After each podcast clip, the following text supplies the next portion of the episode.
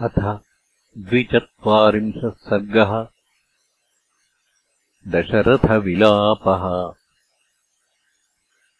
यावत्तु निर्यतस्तस्य रजोरूपमदृश्यत नैवेक्ष्वाकुवरस्तावत् सञ्जहारात्मचक्षुषी। यावद्राजा प्रियम् पुत्रम् पश्यत्यत्यन्तधार्मिकम् तावद्व्यवर्धते वास्य धरण्याम् पुत्रदर्शने। न पश्यति रजोऽप्यस्य यदा रामस्य भूमिपः तदार्तश्च विषण्णश्च पपातधरणीतले। तस्य दक्षिणमन्वागात् कौसल्या बाहुमङ्गना वामम् चास्यान्वगात् पार्श्वम् कैकेयी भरतप्रिया। ताम् नयेन च सम्पन्नो धर्मेण विनयेन च। उवाच राजा कैकेयीम् समीक्ष्य व्यथितेन्द्रियः। कैकेयी मा ममाङ्गानि स्प्राक्षीस्त्वम् दुष्टचारिणि। न हि त्वाम् द्रष्टुमिच्छामि न भार्या न च बान्धवी। ये च त्वामनुजीवन्ति नाहम् तेषाम् न ते मम। केवलार्थपराम् हि त्वाम् त्यक्तधर्माम् त्यजाम्यहम्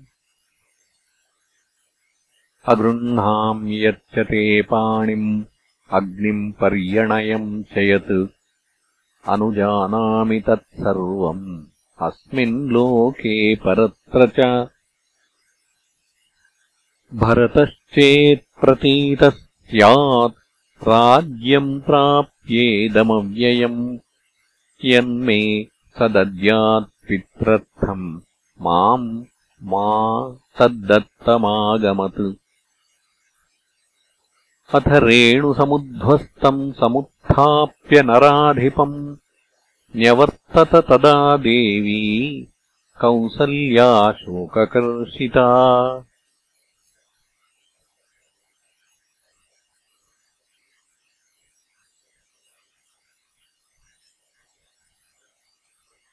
हत्वेव ब्राह्मणम् कामात् स्पृष्ट्वाग्निमिव पाणिना अन्वतप्यतधर्मात्मा पुत्रम् सञ्चिन्त्य तापसम्।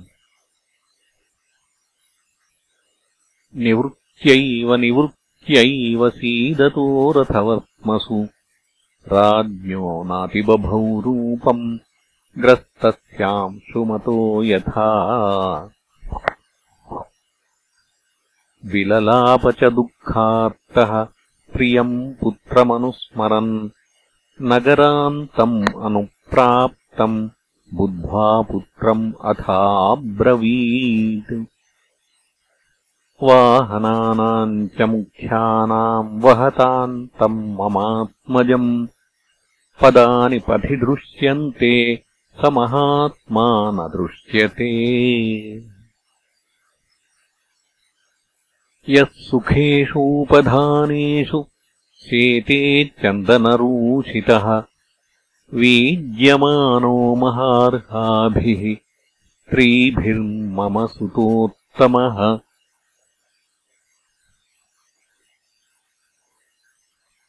स नूनम् क्वचिदेवाद्य वृक्षमूलमुपाश्रितः। काष्ठम् वा यदि वास्मानम् उपधाय शयिष्यते उत्थास्यति च मेदिन्याः कृपणः पांशुकुण्ठितः विनिश्वसन् प्रस्रवणात् करेणूनामिवर्षभः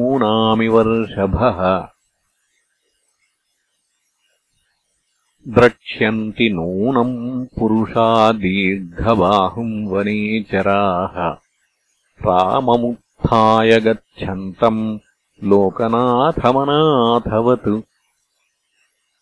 सा नूनम् जनकस्येष्टा सुता सुखसदोचिता। कण्टकाक्रमणाक्रान्ता वनमद्य गमिष्यति अनभिज्ञावनानाम् सा नूनम् भयमुपैष्यति। स्वापदानर्दितम् श्रुत्वा गम्भीरम् रोमहर्षणम्। सकामा भवकैकेयि विधवा राज्यमावस। न हितम् पुरुषव्याघ्रम् विना जीवितुमुत्सहे।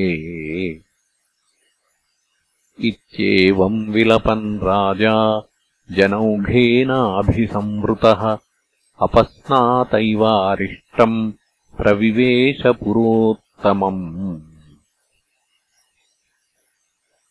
शून्यचत्वरवेश्मान्ताम् संवृतापणदेवताम् क्लान्तदुर्बलदुःखात्ताम् नात्याकीर्णमहापथाम् तामवेक्ष्य पुरीम् सर्वाम् राममेवानुचिन्तयन्। विलपन् प्राविशद्राजा गृहम् सूर्यैवाम्बुदम्। महाह्रदमिवाक्षोभ्यम् सुपर्णेन हृतोरगम्। रामेण रहितम् वेश्म वैदेह्या लक्ष्मणेन च। अथ गद्गदशब्दस्तु विलपन्मनुजाधिपः। उवाच मृदुमन्दार्थम् वचनम् दीनमस्वरम्। कौसल्याया गृहम् शीघ्रम् राममातुर्नयन्तु माम्। न ह्यन्यत्र ममाश्वासो। हृदयस्य भविष्यति इति ब्रुवन्तम् राजानम् अनयन् द्वारदर्शिनः कौसल्याया गृहम् तत्र न्यवेश्यत विनीतवत्।